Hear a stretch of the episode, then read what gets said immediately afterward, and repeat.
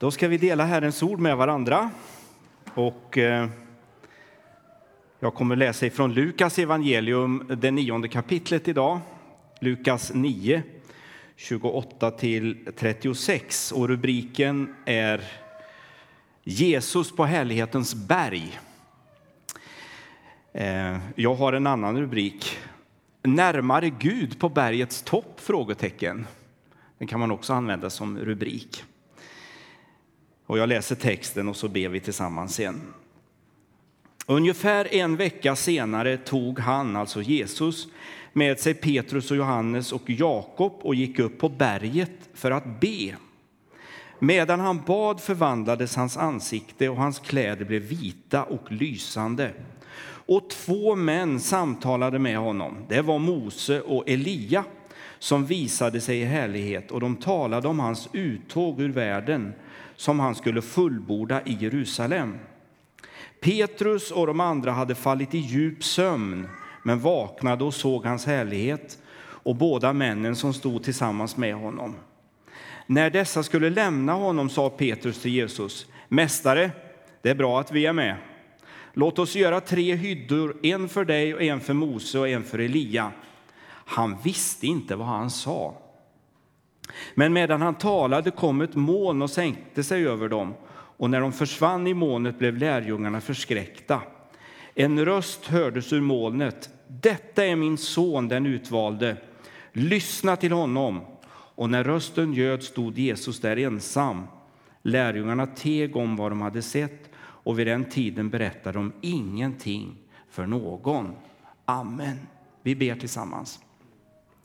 Herre, tack för att vi får dela ditt ord med varandra. Vi får upphöja ditt namn med sång, Herre, och med bön, Herre. Vi får öppna ditt levande ord, Herre, och du får tala till oss som du vill, Herre, göra. Tack för den här stunden du har gett oss och tack för att du välsignar oss, Herre. Tack för att du smörjer mitt huvud med din olja, Herre. Och du låter också mig få kanske säga något till någon som behöver en hälsning från dig idag, Jesus. Vi ber i Jesu namn. Amen. Jag ska låna micken där. Har du den där? Så ska jag ge mig ut här i bland er som sitter. Är det någon av er som har varit uppe på något högt berg någon gång? Ja, där har vi. Då ska du få beskriva med ett ord. Ett ord. Känslan när du stod där högst uppe på berget. Vad är det för känsla man får? Det var en svår fråga faktiskt. Var det en svår fråga? Ja. Det var, jag var uppe på Tabor och det var ju fint, fint där uppe i Israel. Och åkte, men det var otäckt att åka dit med taxi. Visst, de skulle Ja, precis. Tabor är ett bibliskt berg. Har vi någon mer som har varit på ett högt berg? Där också på Israel. Ja, ja, ja visst. Är det någon mer som har varit uppe på ett högt berg? Du har varit uppe. Med ett ord beskriver du känslan när du står där högst på berget. Liten. Lite. Bra. Bra. Har vi något mer? Någon som vågar säga något ord om något högt berg? Var det någon som vinkar här borta? Där borta. Vi tar en till, får vi se här. Vi är högt uppe på berget. Kunde varit Härlighetens berg, men Ingrid. Hermon, hisnande. Hisnande. Bra, ni har hjälpt mig väldigt mycket på vägen. Nu ska jag gå vidare. Liten och hisnande var väldigt bra ord, tycker jag. Det är väl så här att vi människor, vi tycker om höjder.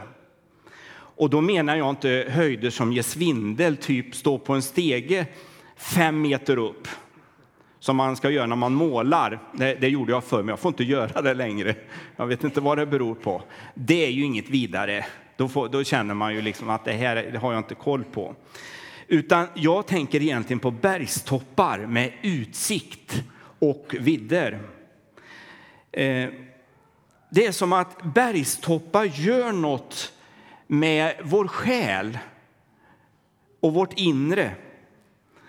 Och därför så påstår jag här nu i början av predikan att det är nyttigt med höjder och det är nyttigt med utsikt. Det kan vara från en bergstopp, men vi kan också uppleva samma fenomen egentligen om vi står vid havet och tittar ut över havet. Alltså den här oändligheten, det här, de här, det här stora som möter oss när vi står där. Ja, jag kan, jag kan berätta redan i tidig ålder så fascinerades jag av, av höga berg. Och när jag tänker tillbaka, det är inte så lätt att komma ihåg, så kommer jag ihåg egentligen eh, mitt första besök på ett berg. Och det var Kinnekulle. Ja, då skrattar ni. Ja, visst. Kinnekulle vid Vänern i Västergötland. Det tyckte jag var ett högt berg. Ja, visst. Och nu är ju höjden ungefär 300 meter över havet, så det var inte speciellt högt. Och det var inte ens det högsta berget faktiskt i Västergötland. Utan det finns en, en högre topp. Men det tyckte jag var fantastiskt spännande att komma upp och, och se dels ut över Vänern och naturligtvis se en del av Västergötland. Jag tyckte jag hade kommit upp högt i tillvaron.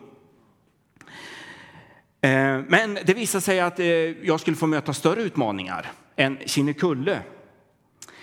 Som tonåring så var jag uppe på Åreskutan.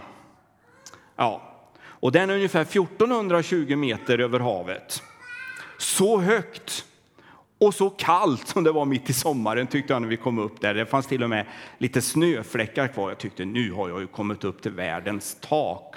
När jag står på Åreskutan, vi har tagit oss upp där med linbanan. Vet ni var oerhört stolt över att vara så högt och jag tyckte det var fantastiskt. Jag tog kort och allting sånt där. Va? Ja. Ja, jag kan ju säga, jag har inte varit uppe på Kebnekaise. Jag har sett Kebnekaise. Det är säkert någon av er som har varit uppe på Kebnekaises topp. Men jag har sett eh, vårt högsta fjäll, då, vår högsta fjälltopp i Sverige, Kebnekaise, som är ungefär 2100 meter. Och, och det, det, ändrar sig ju lite och nu såg jag i tidningen häromdagen att eh, södra toppen eh, låg lite i lä nu för att det hade smält lite och så där. 2100 meter, något alldeles fantastiskt högt egentligen. Precis. Men då är det ju så att jag har ju varit några gånger i Bolivia i Sydamerika. Och det barnhemmet som eh, jag är engagerad i och också en del av er. Barnhemmet ligger på 2600 meters höjd. Alltså Cochabamba, den stora miljonstaden och staden intill som heter Quillacollo, den ligger på 2600 meters höjd. Alltså högre än vad vi någonsin kan komma upp i Sverige. Där lever och eh, bor de och det är inte alls den högsta staden som ni vet i Bolivia. Och en gång hände det sig att det var en som frågade där, när jag var där, om vi hade några höga berg i Sverige. Jag var lite intresserad av det där. Och vad jag minns så var det ett ganska mumlande svar från min sida. Mm, ja, så jag försökte nog att få till det där. Och, ja, slutsatsen i alla fall från deras sida det var att Sverige är ett platt land som ligger vid havet. Och det är klart med, med Bolivia och länderna runt omkring där som ligger vid fötterna av Anderna där vi pratar om 7000 meters höjd. Och då vet vi att det ändå inte är högst i världen.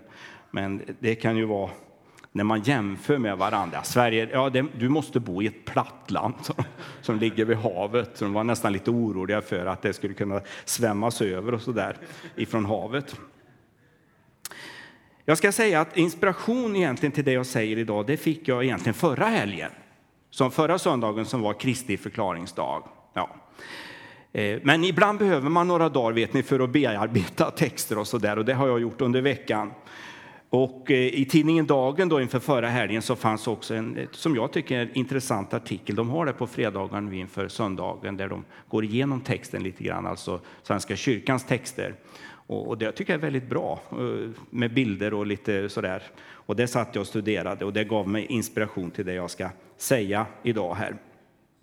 Det visar sig när man läser i Bibeln att bergen spelar en viktig roll i Bibeln. Ni vet, man kan ju läsa Bibeln på många olika sätt. Och nu har du fått ett nytt tips ifrån mig då, om du vill läsa tematiskt i Bibeln. Eh, sök efter texter som handlar om bergen och vad som hände där. Och jag ska, eh, texten vi har läst idag är ju en av dem när Jesus är tillsammans med sina lärjungar på ett av de här bergen. Och det finns många intressanta berättelser och det finns egentligen ingen entydig förklaring till liksom varför det sker på bergen och så. Men eh, de har det gemensamt att de beskriver upplevelser och särskilda stunder egentligen i människors liv där vi kan hämta mycket. Jag har en liten bok hemma som heter Bergen i Bibeln. Och den eh, tar upp eh, de här bergen som finns beskrivna i Bibeln med lite förklaringar. Den är ganska intressant och den har jag naturligtvis använt mig av också då, inför dagens text. I psalm 121 i Bibeln så läser vi följande. Jag ser upp emot bergen. Varifrån ska jag få hjälp? Och så kommer det. Hjälpen kommer från Herren som har gjort himmel och jord. Ja, det är en fantastisk bibelord. Jag ska ta några exempel bara ifrån Bibeln här. Redan i Första Mosebok, det åttonde kapitlet, så möter vi en eh, dramatisk berättelse om ett berg. Och det är när Noa, som ni vet var på arken tillsammans med sin familj och djur och de hade ju ja, flytet omkring, seglat omkring på floden som omgav hela jorden. Men så händer något en dag. Då står det så här i, i den fjärde versen i Första Mosebok. På sjuttonde dagen i sjunde månaden så blev arken stående på Araratbergen. Ja, och det var ju ganska naturligt i och för sig att båten skulle liksom grunda på någonting som stack upp där ur vattnet när vattnet började sjunka. Och det var Ararats berg. Och så läser vi om vad som händer där. En, en avgörande händelse naturligtvis i världshistorien får man ju faktiskt säga, som handlar om Ararats berg.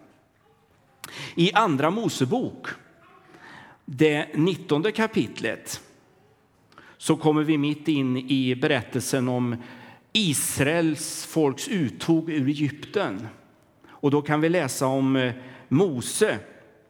Och då är det precis 50 dagar efter uttåget ur Egypten så tog Mose emot lagens tavlor på Sinai berg. Och då läser vi i den texten att när Mose kommer ner så lyser hans ansikte av Guds härlighet.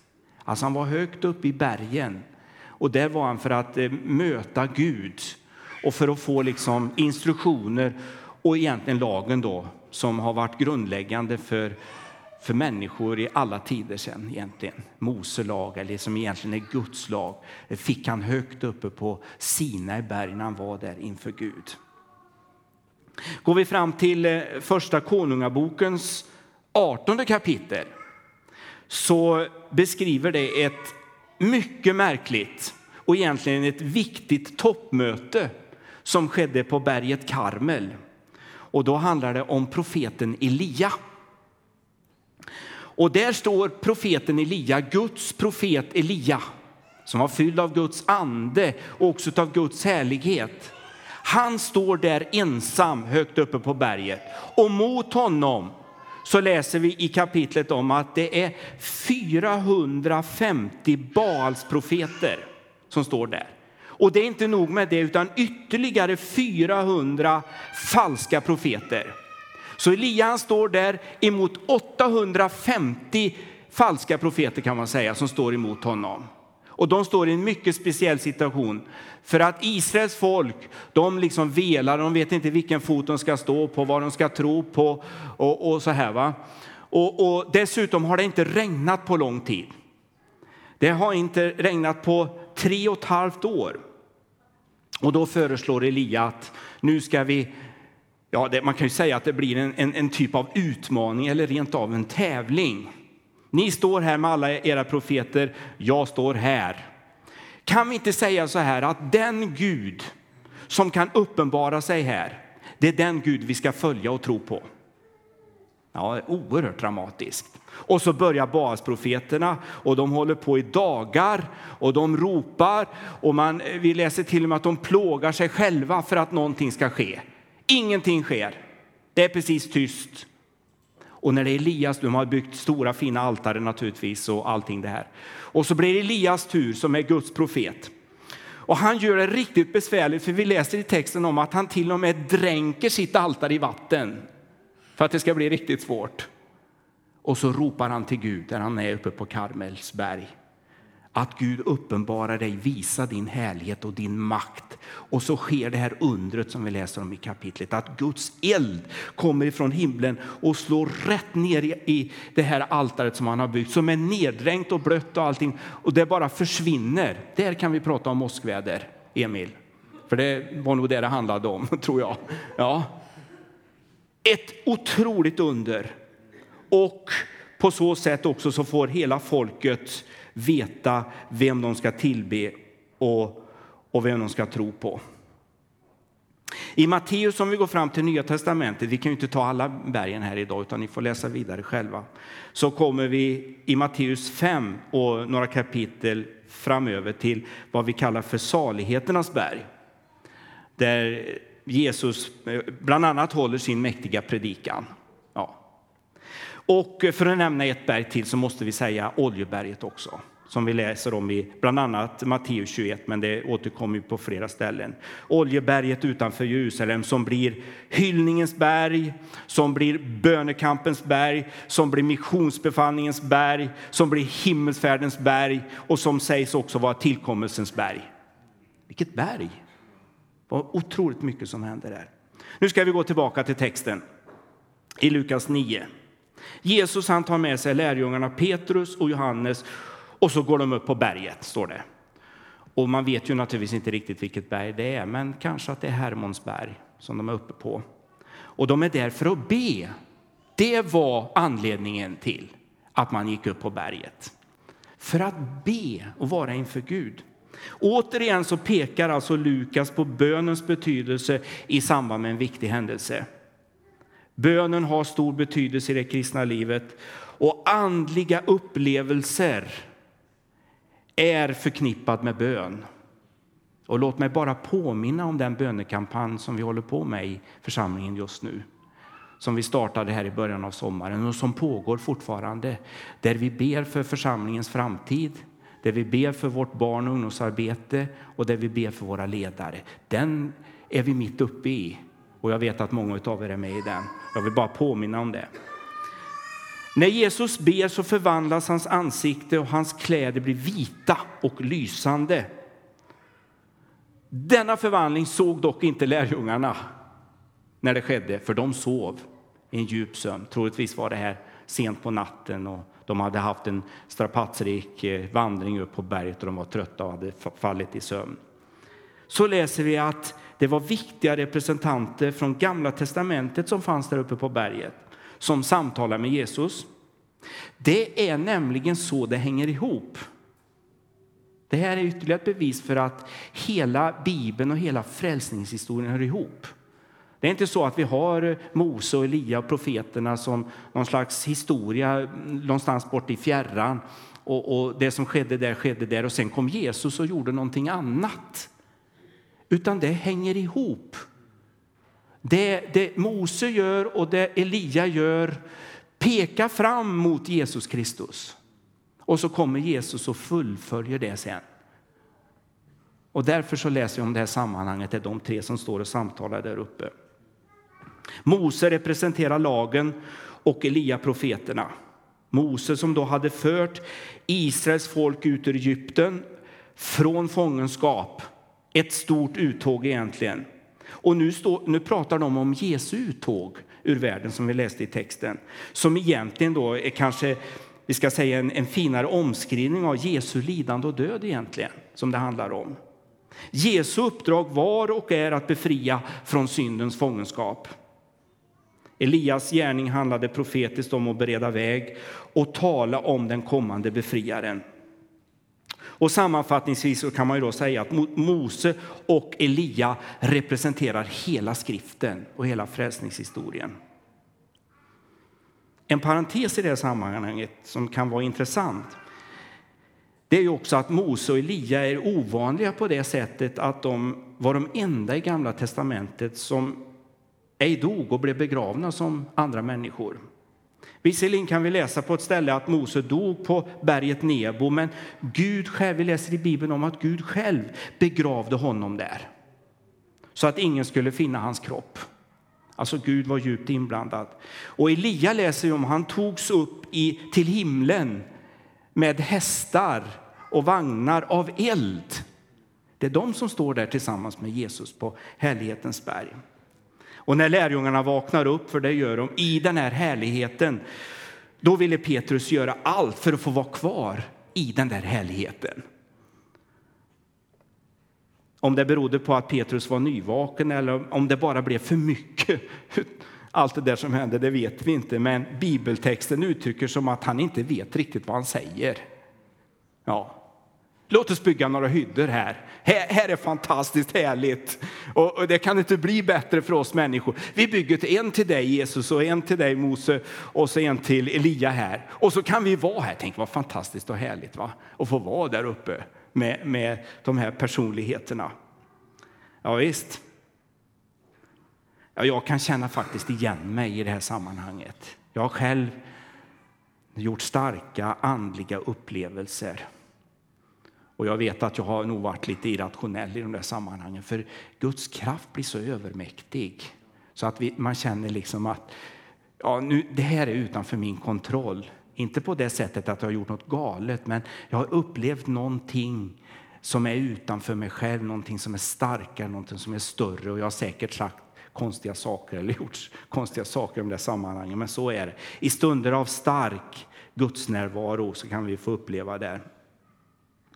Petrus han ville förlänga härligheten, han ville liksom fånga in den i hyddan, men det var inte läge för det. För Jesus han hade ett uppdrag att utföra och fullborda under sina återstående dagar på jorden. Och plötsligt var allt som vanligt igen. Inget ljussken och inga representanter från lagen och profeterna. Eller var det egentligen som vanligt efter den här upplevelsen? När Petrus och Johannes tillsammans med Jesus går ner från berget. Ja, de gick tillbaka till det vanliga livet, men det är med en ny kunskap och en ny erfarenhet om vem det är som finns vid deras sida. De hade fått vara med och se upplevelsen på berget liksom bär dem framåt. Och vi vet det, för senare så uttalar Petrus i andra Petrus brev det första kapitlet, 16 vers och någon vers framåt, så säger han så här. Det var inte några skickligt hopdiktade sagor jag byggde på när jag för er förkunnade vår Herre Jesu Kristi makt och hans ankomst, utan jag hade med egna ögon sett honom och hans majestät. Ty han mottog ära och härlighet från Gud, sin fader, när en röst kom till honom ur denna majestätiska härlighet. Så Petrus han vittnar om det senare när han bygger församlingar och predikar och så vidare. Vad kan vi då lära oss och vad kan vi ta med oss av en sån här berättelse eller om berättelserna om händelserna på bergen i Bibeln?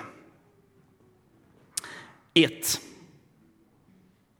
När vi söker Gud och vänder oss till honom så vill vi gärna sträcka oss uppåt. Tänk på det. Ja, det ligger liksom nära till hands det här. Ungefär samma som att man vill upp på berget. Man vill komma upp. Och likadant är det när vi söker Gud. Så liksom tittar vi ju inte neråt utan vi tänker att Gud han finns i höjden med sin makt och sin härlighet. Och så sträcker vi oss uppåt. Det känns naturligt att Gud finns där uppe.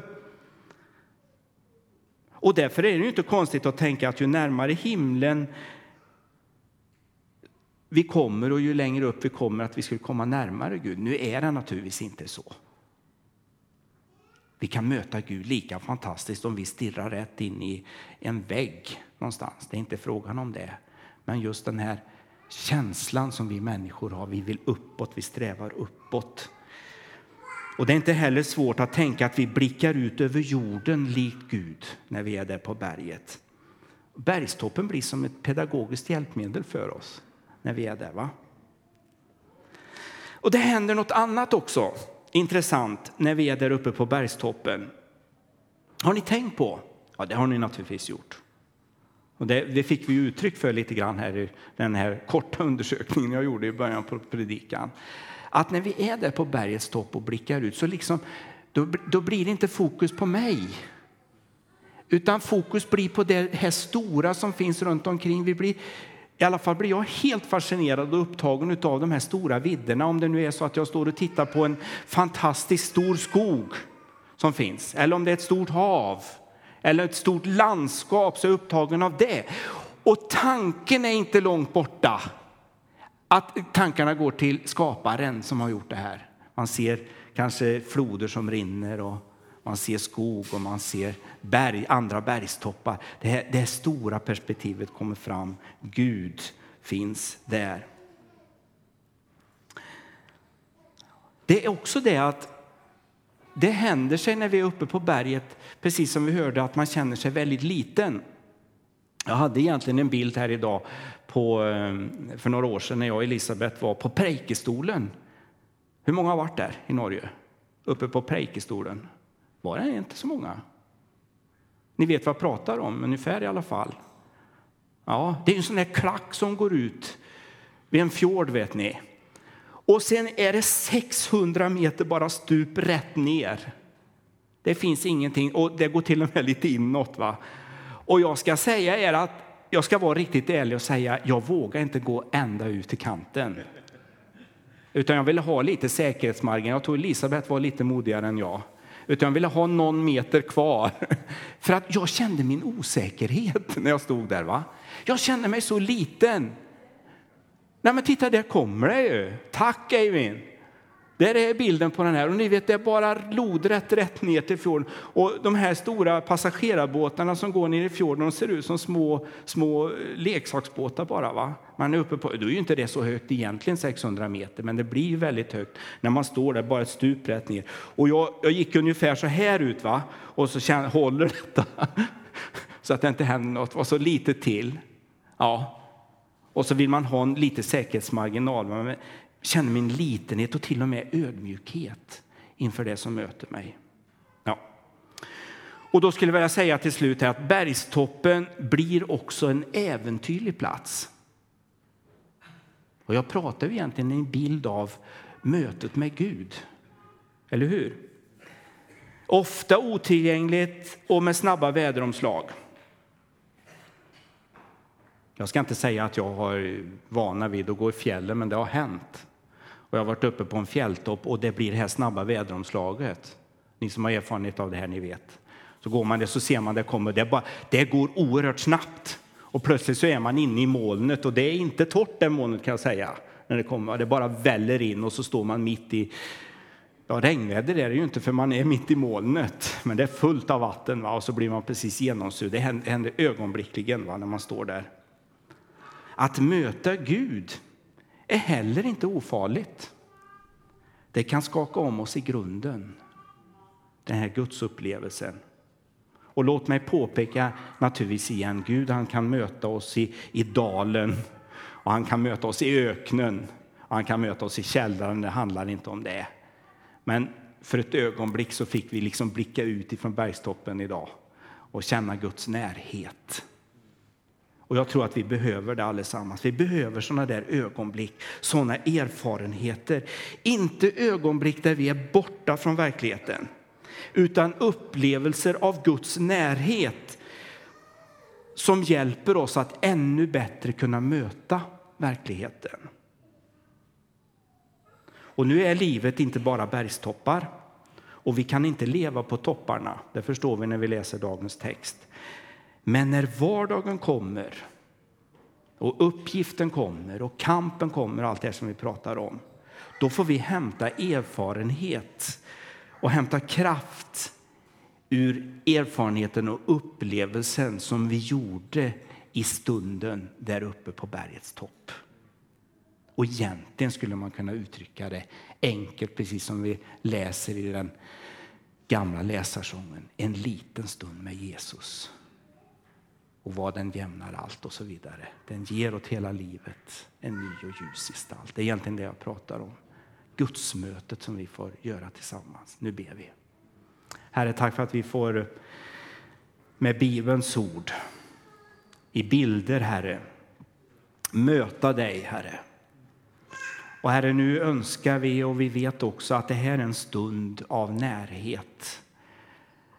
Där du är riktigt nära oss.